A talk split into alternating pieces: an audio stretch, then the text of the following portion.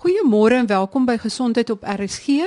Ek gesels met dokter Peer van Vollenhoven, hy's 'n uroloog by Medikliniek Panorama en ons gesels vandag oor prostaatprobleme.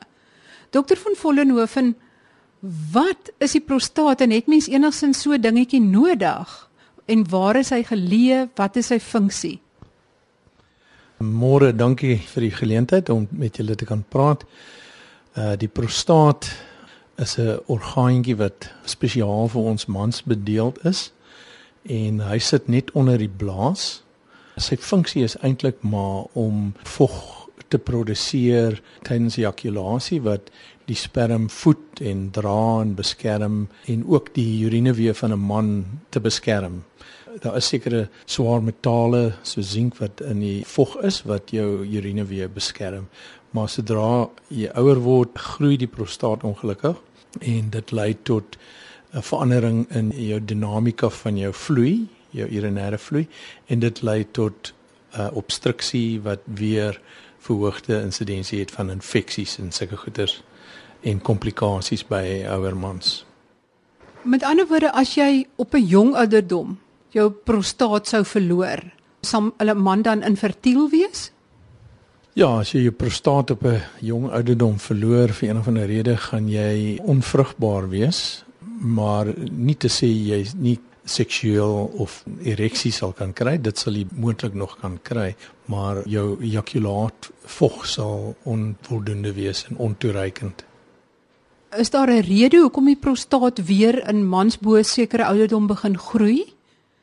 Ja, daar's verskeie teorieë, maar ek dink die mees akkuraatste teorie is sekerlik dat daar ontwakingsgroei van die prostaat voorkom met 'n verskywing in die balans van hormone.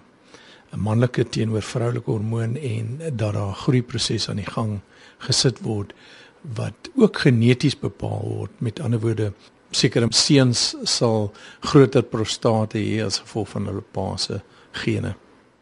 As die prostaat dan groei en hy veroorsaak obstruksie en dan makliker urienweg infeksies, is daar dan iets fout? Hoe weet julle of daar iets fout is met die prostaat dat hy siek is? Gewoonlik is die eerste ding wat die persoon plaas as die prostaat begin vergroot is uh simptome, urinêre simptome en dit kan in die vorm wees van of meer gereeld in die nag opstaan, die vloei merk hulle op is swakker, partykeer moet hulle meer dringend by die toilet uitkom. So dit is uh, subtiele simptome soms. Dit kan ook presepteer as uh, infeksies baie keer waar die prostaat geïnfekteer het wat ons noem bakterieële prostatitis. En dit kom ook in jong mans voor wat nie noodwendig obstruksie het nie. Die organisme wat sy eie organisme is, gaan in die uretra op en hy beland in die prostaat en daar begin hy vermenigvuldig en dan is dit eintlik wat ons noem 'n blaas en prostaatinfeksie, nie net 'n blaasinfeksie. En is alle prostate wat vergroot, is dit dan patologie of kan hy gesond wees en groei? Per definisie sal 'n groot persentasie, 60% van mans wat ons noem BPH ontwikkel. Dit beteken benigne prostaatvergroting en dit lei tot obstruksie of nie afhangend van waar die toename in die weefsel is. En dit kan afhangend van waar die weefsel toeneem allerhande obstruktiewe simptome gee. Ons het byvoorbeeld 'n midlob wat amper soos 'n balklep oor die opening van die blaas groei. Dit is deel van die prostaat en hierdie veroorsaak gewoonlik redelik ernstige obstruktiewe simptome en gewoonlik is die behandeling hiervan uh, chirurgies van aard om daai tipe obstruksie op te hef. So sekere gevalle kan met chirurgie gehelp word en ek neem aan as dit sekere infeksie is seker met antibiotika. Maar as daar nou iets meer fout gaan, hoe weet julle of die een prostaatkanker het? Ons het 'n bloedmerker op hierdie stadium wat redelik al lank op die mark is, 'n PSA mans benodig ook 'n rektale ondersoek en die twee saam help ons om 'n besluit te maak maar belangrik is dat ons seriële bloedtoetse en ondersoeke doen dit beteken op 'n jaarlikse basis miskien wat ons meer definitief kan lei in die rigting van of hierdie 'n probleem is al dan nie. Hoe akkuraat is die PSA? Is dit die beste wat op die oomblik beskikbaar is? Is daar nie dalk iets beter in die pipeline nie? Op hierdie stadium PSA en die rektale ondersoek is die metodes wat ons gebruik om prostaatkanker te identifiseer. Mens kan verder aangaan met MRI ondersoeke wat baie duur is en dit is nie vir die primêre diagnose daarvan nie. Dit help ons om kankers te lokaliseer in die prostaat wat ons nie met die vinger kan voel of op ultraklank kan sien nie. Daar is biologiese merkers in die pipeline van verskeie bronne, maar hulle is nog almal eksperimenteel op hierdie stadium, maar daar is toetse wat definitief meer sensitief en meer spesifiek gaan wees en goedkoper en sommer in die spreekkamer gedoen kan word, maar ons weet nog nie te veel daarvan nie. Mans seker nie te gewillig om te kom vir 'n ondersoek nie. As ek nou dink aan die mans in my familie, dink ek hulle hardloop sommer weg as jy net daarvan praat. Is dit 'n probleem en hoe oortuig mense man om maar liefs te kom vir so 'n tipe ondersoek? Ja, ek dink mans is maar versigtig vir uroloog, maar ek dink oor die jare ook het hulle baie meer volwasse geword in daardie opsigte dat hulle besef dit is iets wat kan voorkom word soos servikale kanker in vrouens deur gereelde ondersoeke kan 'n mens dit vroeg optel en jy kan baie verdriet spaar. Wie het die hoogste risiko om prostaat probleme of prostaatkanker op te doen? Is daar 'n spesifieke risikogroep of nie? Nee, dit lyk asof in die westerse wêreld natuurlik 'n hoë risikogroep is en meer spesifiek dan ook die swart mans in Afrika en in Amerika sodra hulle blootgestel word aan 'n westerse dieet en die westerse leefstyl neem hulle insidensie toe en ook die aggressiwiteit van die tumor is ook meer as as wat jy by blankes baie keer kry blanke mans. Ek gesels vandag met dokter Peer van Vollenhoven, hy's uroloog by die Medikliniek Panorama en ons gesels oor prostaatprobleme en ook oor prostaatkanker. Ons fokus op hierdie tema omdat dit hierdie maand November is en die groot fokus is op mansgesondheid. Ons sit nou ons gesprek voort. Dan kom ons by prostaatkanker. Is daar verskillende tipes prostaatkanker en verskillende fases? Hoe sal mens dit beskryf? Die prostaatkanker word eerstens in risiko's geplaas, eh, so jy kry lae, intermediêr en hoë risiko tumore. Dit hang natuurlik af van die PSA. Dit is die merke, dit hang af van die gradering van die tumor wat ons gebruik 'n internasionale Gleason graderingsstelsel en die telling gewoonlik van 6 tot 10 uit 10 definieer vir ons die aggressiwiteit van die tumor en dan ook wat 'n mens op rektale ondersoek voel as jy 'n nodule voel of nie en die grootte daarvan. En wat is die behandeling vir elkeen van die stadium? Sê maar jy kry 'n man en dit is 'n vroeë stadium, dit is nog nie groot nie. Hoe verskil die behandeling van vroeë opsporing en vroeë stadium tot gevorderde kanker? Kan jy so elke stadium se behandeling vinnig beskryf? Ons se plaas hulle in risikogroepe.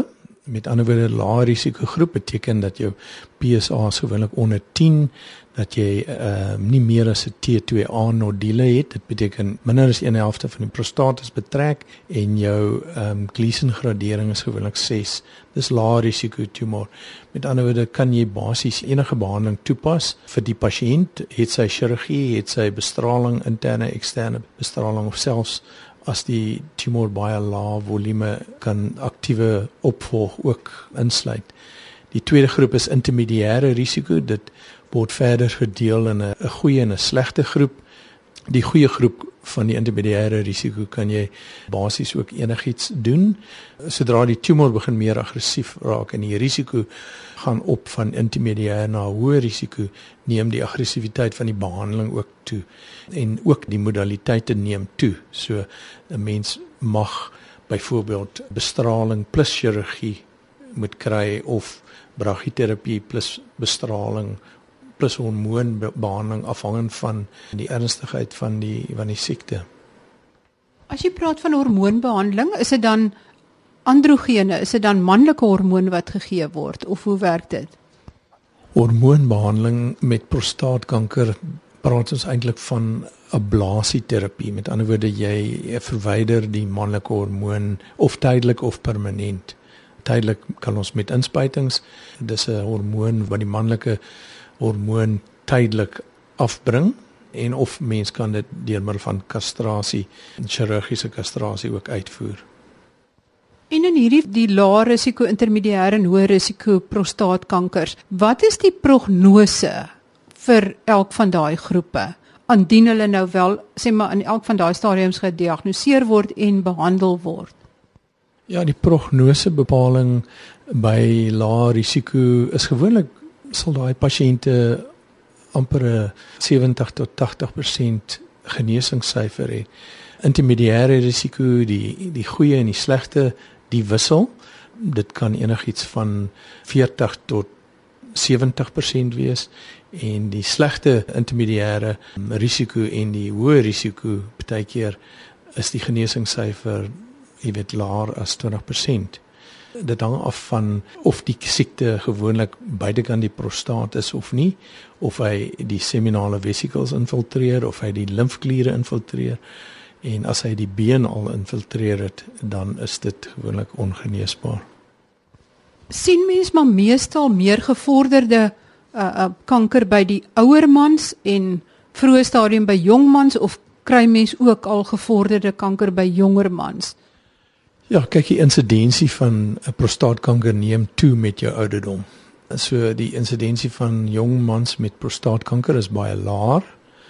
Uh in die 40 tot 50 groep, jy weet, is dit laag en 50 tot 60 is dit nou bietjie hoër en en oor die 70 is waarskynlik het 30 of 40% van die mense alreeds prostaatkanker. Maar omdat prostaatkanker 'n baie stadig groeiende siekte is gewoonlik en ook in ouer mense is dit ook 'n stadige groei in siekte, alhoewel dit nie die reël is nie, maar die pasiënt het nie noodwendig die volle behandeling nodig as hy al reeds in sy 70's is nie. As jy sê dis stadig groeiend, vanaf dit begin tot wanneer mens eintlik die simptome begin agterkom, hoe lank tydperk het dan al verloop? Die prostaatkanker weer eens is 'n stadig groeiende siekte. Die tyd wat dit neem van een sel om abnormaal te raak tot wat dit 'n sentimeter in grootte is is normaalweg het ons dit aanvaar as omtrent 7 tot 10 jaar. So stadig groei, maar dit hang ook af van die uh, tumor waarmee die persoon begin. Het die tumor mak begin en aggressief geword of het hy aggressief begin? Jy het nou ook met die robotchirurgie allerlei nuwe metodes om om die chirurgie te doen en 'n prostatektomie te doen, die prostaat te verwyder as daar iets fout is daarmee. Maar hoe vergelyk jy behandeling wat mens nou kan gee met sê maar 20 jaar terug? Was daar vordering of is dit nog baie dieselfde?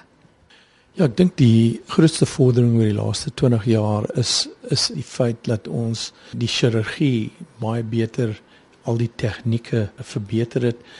Die pasiënte se morbiditeit, dit beteken hulle komplikasies en hulle neeweffekte is minder.